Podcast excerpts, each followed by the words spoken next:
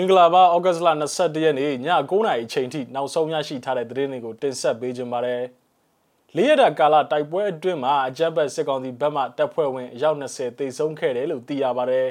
။ရေစကြိုမြို့နယ်ရဲ့ပကန်းကြီးနယ်မြေရဲစခန်းမှာဒုတိယကြိမ်မြောက်ဖြစ်ပောက်ကွဲမှုတစ်ခုထပ်မံဖြစ်ပွားခဲ့တယ်လို့ဒေသခံတွေကပြောဆိုနေပါတယ်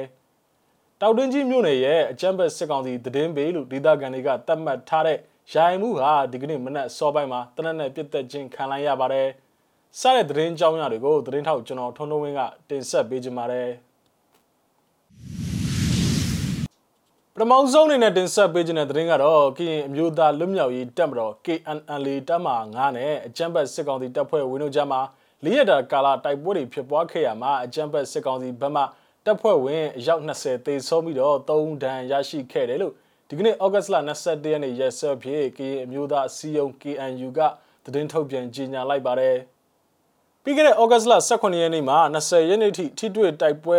ပြစ်ခတ်မှုအကြိမ်30ဖြစ်ပွားခဲ့ရမှာအကြမ်းဖက်စစ်ကောင်စီဘက်မှတပ်ဖွဲ့ဝင်အယောက်20သေဆုံးပြီးတော့3ဦးဒဏ်ရရှိခဲ့တယ်လို့ကရင်အမျိုးသားအစည်းအရုံးကဆိုပါတယ်။ထုတ်ပြန်ကြတဲ့မှာ KNU ကရင်အမျိုးသားအစည်းအရုံးရဲ့ဒုသထုခရိုင်တမဟာ1တောင်ကူခရိုင်တက်မဟာ2နဲ့ညောင်လေးပင်ခရိုင်တက်မဟာ3များမှာလည်းအကြမ်းဖက်စစ်အုပ်စုကစစ်ရေးလှုပ်ရှားမှုတွေပြုလုပ်နေတာကြောင့် ပြစ်ခတ်မှုတွေလည်းမကြာခဏဖြစ်ပွားနေလေရှိတယ်လို့ကရင်မျိုးသားစီယုံကဆိုပါတယ်။ဘူဒရော့ခရိုင်တွင်းမှာလည်းပြည်သူလူထုများထွက်ပြေးတိမ်းရှောင်နေရတဲ့နေရာတွေကိုလည်းအကြမ်းဖက်စစ်အုပ်စုမှလေရင်တွေအုံပြုပြီးလာရောက်ရှာဖွေထောင်လန်းတာတွေအပြင်ပြည်သူလူထုထွက်ပြေးတိမ်းရှောင်နေရတဲ့နေရာများနဲ့လုပ်ငန်းခွင်များအတွင်းကိုလက်နက်ကြီးများဖြင့်ပစ်ခတ်ခဲ့ကြောင်းကိုထုတ်ပြန်ကြတဲ့မှရေးသားထားတာပါ။ KNU ရဲ့ထိန်းချုပ်ရာနယ်မြေအတွင်းကိုအကြမ်းဖက်စစ်အုပ်စုကတပ်အင်အားတိုးချဲ့နေပြီးတော့ စစ်မျက်နှာကိုဖွင့်လှစ်ခဲ့တာကြောင့် KN မျိုးသားလွတ်မြောက်ရေးတပ်မတော် KNLA နဲ့ KN မျိုးသားကာကွယ်ရေးတပ် KNDO တို့မှပြန်လည်တိုက်ခိုက်နေခြင်းဖြစ်တယ်လို့ဆိုထားတာပါ။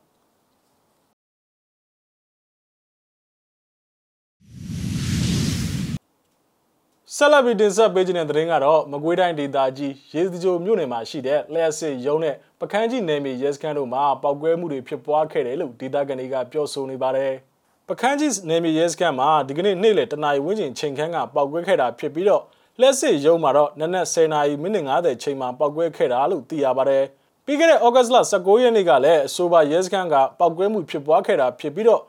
ဒီဒီချိန်ဟာဆိုရင်3ရက်အတွင်းမှာဒုတိယအကြိမ်မြောက်ပောက်ကွဲခဲ့တာလည်းဖြစ်ပါတယ်။ပောက်ကွဲမှုဖြစ်စဉ်ကြောင့်အကြမ်းဖက်စစ်ကောင်စီတပ်ဖွဲ့ဝင်တွေကအင်အားလုံးရင်းဖြင့်ရောက်ရှိလာပြီးတော့လမ်းတော်လမ်းလာများကိုပိတ်ဆို့ရှာဖွေစစ်ဆေးမှုတွေလည်းပြုလုပ်ခဲ့ကြပါတယ်။ ပောက်ကွဲမှုကြောင့်ထိခိုက်ဒဏ်ရာရရှိမှုတွေရှိခဲ့တယ်လို့သိရပြီးတော့အသေးစိတ်ကိုတော့မြစည်းမသတင်းဌာနကအတည်ပြုနိုင်ခြင်းမရှိသေးပါဘူး။ပြီးခဲ့တဲ့ဩဂတ်လ19ရက်နေ့မနက်ကလည်းရေတကြိုပြည်သူ့ကာကွယ်တပ်ဖွဲ့ဝင်တွေကိုအကြမ်းဖက်စစ်ကောင်စီတွေကအင်အားအလုံးရင်းနဲ့ဝင်ရောက်စီးနင်းတာကြောင့်စခန်းကိုစွန့်ခွာထွက်ပြေးခဲ့ကြရပေမဲ့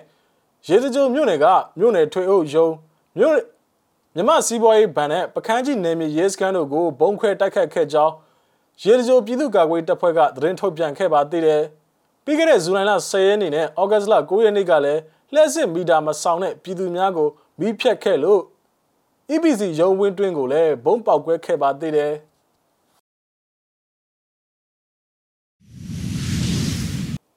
နောက်ထပ်တင်ဆက်ပေးခြင်းတဲ့သတင်းကတော့တောင်တွင်းကြီးမြို့နယ်ရဲ့အကြမ်းဖက်စစ်ကောင်စီသတင်းပေးလို့ဒေသခံတွေကတတ်မှတ်ထားတဲ့ရိုင်မှုဥဇော်လက်ဟာဒီကနေ့ဩဂတ်လ22ရက်နေ့နနက်ပိုင်းချိန်ကတနက်နဲ့ပြစ်သက်ခြင်းခံလိုက်ရပါတယ်။ ဗိဒ္ဓရုံးနယ်မြေပြည်သူ့ကာကွယ်တပ်မတော်က၎င်းတို့လက်ချက်ဖြစ်တယ်လို့ထုတ်ပေါ်ကြေညာလိုက်ပါတယ်။မကွေးတိုင်းဒေသကြီးတောင်တွင်းကြီးမြို့နယ်ရွှေအိုးတိရက်ကွက်ရဲ့အကြမ်းဖက်စစ်ကောင်စီကရိုင်မှုဖြစ်ခံထားတဲ့ဥဇော်လက်ဟာဒီကနေ့ဩဂတ်လ22ရက်နေ့နနက်8နာရီချိန်ကအသက်ခံလိုက်ရတာပါဗိဒနိုနယ်မြေပြည်သူ့ကာကွယ်ရေးတပ်မတော်ရဲ့ကြေညာချက်ထဲမှာတေဆုံးသူဥဇော်လက်ကိုရွှေအိုတီရက်ကွက်အုပ်ချုပ်ရေးမှုရုံးအတွင်းကိုဝင်ရောက်ပစ်ခတ်ခဲ့ရမှာဥကောင်းတစ်ချက်ရင်ဘက်နှစ်ချက်ကြည်ထိမှန်ခဲ့ကြောင်းပါရှိပါတယ် ဆက်လက်ပြီးတော့အကြမ်းဖက်စစ်ကောင်စီလက်ပါစီများသတင်းပေးဒလန်များရဲ့၎င်းတို့ရဲ့မိသားစုဝင်များနှီးနွယ်ဆက်ဆက်သူများရဲ့အသက်အိုးအိမ်စည်းစိမ်တို့ကိုတာဝန်ယူမိမဟုတ်ကြောင်းကိုလည်းဗေဒနိုနယ်မြေပြည်သူ့ကာကွယ်ရေးတပ်မတော်ရဲ့ပြန်ကြားရေးတာဝန်ခံဗိုလ်ထန်ထွတ်ကဩဂတ်လ22ရက်နေ့ရက်စွဲပြည့်ကြေညာခဲ့ပါတယ်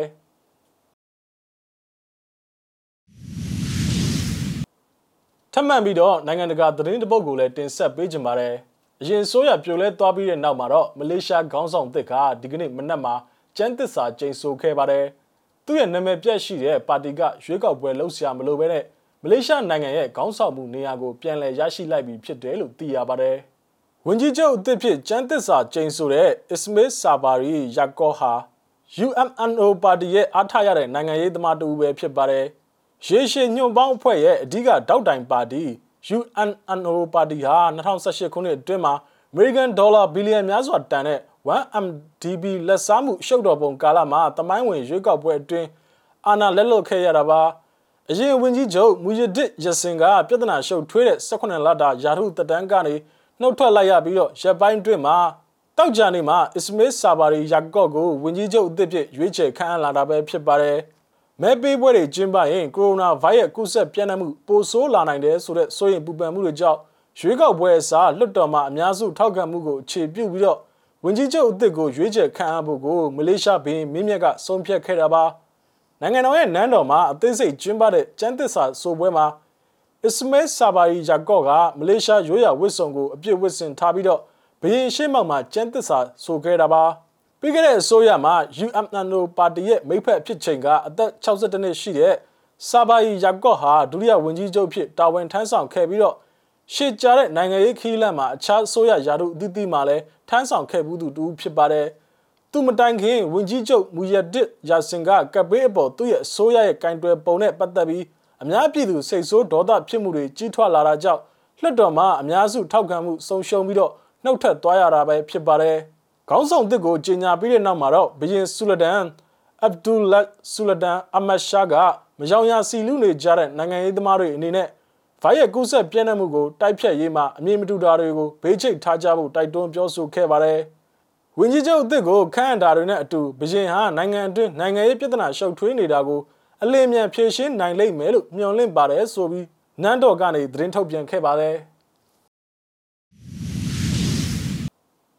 နောက်ဆုံးနေ့နဲ့တင်ဆက်ပေးခြင်းတဲ့သတင်းကတော့တဝဲခရိုင်တပိတ်ကော်မတီကဥဆောင်ပြီးတော့လောင်းလုံမြို့နယ်အတွင်းကလူငယ်တွေပူးပေါင်းပြီးဒီကနေ့ဩဂတ်စ်လ21ရက်နေ့ညနေပိုင်းအချိန်ကအကြမ်းဖက်စစ်ကောင်စီကိုဆန္ဒပြခဲ့ကြပါတယ်။ပြည်သူနဲ့အတူပူးပေါင်းလာတဲ့စစ်သားတွေနဲ့ရဲတပ်သားတွေကိုကြိုးဆိုကြောင်းနဲ့အကြမ်းဖက်စစ်အာဏာရှင်အမြင့်ပြတ်ပြုတ်ကျရေးအတွက်လမ်းလျှောက်ချီတက်ဆန္ဒပြခဲ့ကြတာပါ။ဆန္ဒပြဗီဒီယိုဖိုင်ကိုကြည့်ရှုရအောင်ပါ။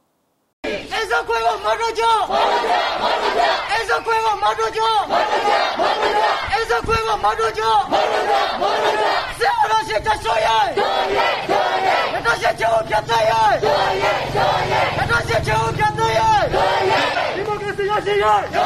soye. Sevmesizini millet çamuya. Soye, soye. Duyanlarsızını millet çamuya. Soye, soye. Para demokrasi bir özür düşer. Soye, soye. Para demokrasi bir özür democracia tiene que echar chamoya. တပိုင်တပိုင်တပိုင်ရရပါရရပါရရပါဟုတ်ကဲ့ပါဩဂတ်စ်လ21ရက်နေ့ည9:00နာရီအချိန်ထိနောက်ဆုံးရရှိထားတဲ့သတင်းတွေကိုကျွန်တော်တို့မြစည်းမဝိုင်းတော်သားများကနေပြီးတော့တင်ဆက်ပေးခဲ့တာပါမြန်မာပြည်နယ်မှာနေထိုင်တဲ့မိဘပြည်သူတွေအကုန်လုံးဘေးရန်နဲ့ကင်းရှင်းကြပါစေလို့ဆုမကောင်းတောင်းအပ်ပါတယ် လက်ရှိဖြစ်ပွားနေတဲ့ COVID-19 ကပ်ရောဂါနဲ့ပတ်သက်ပြီးအထူးကြီးဆိုင်ကြဖို့ကိုကျွန်တော်တို့မြစည်းမဝိုင်းတော်သားတွေကတိုက်တွန်းနှိုးဆော်ခြင်းပါတယ်နောက်ထပ်ရရှိလာမယ့်သတင်းတွေနဲ့အတူတူကျွန်တော်တို့ပြန်လာခဲ့ပါမယ်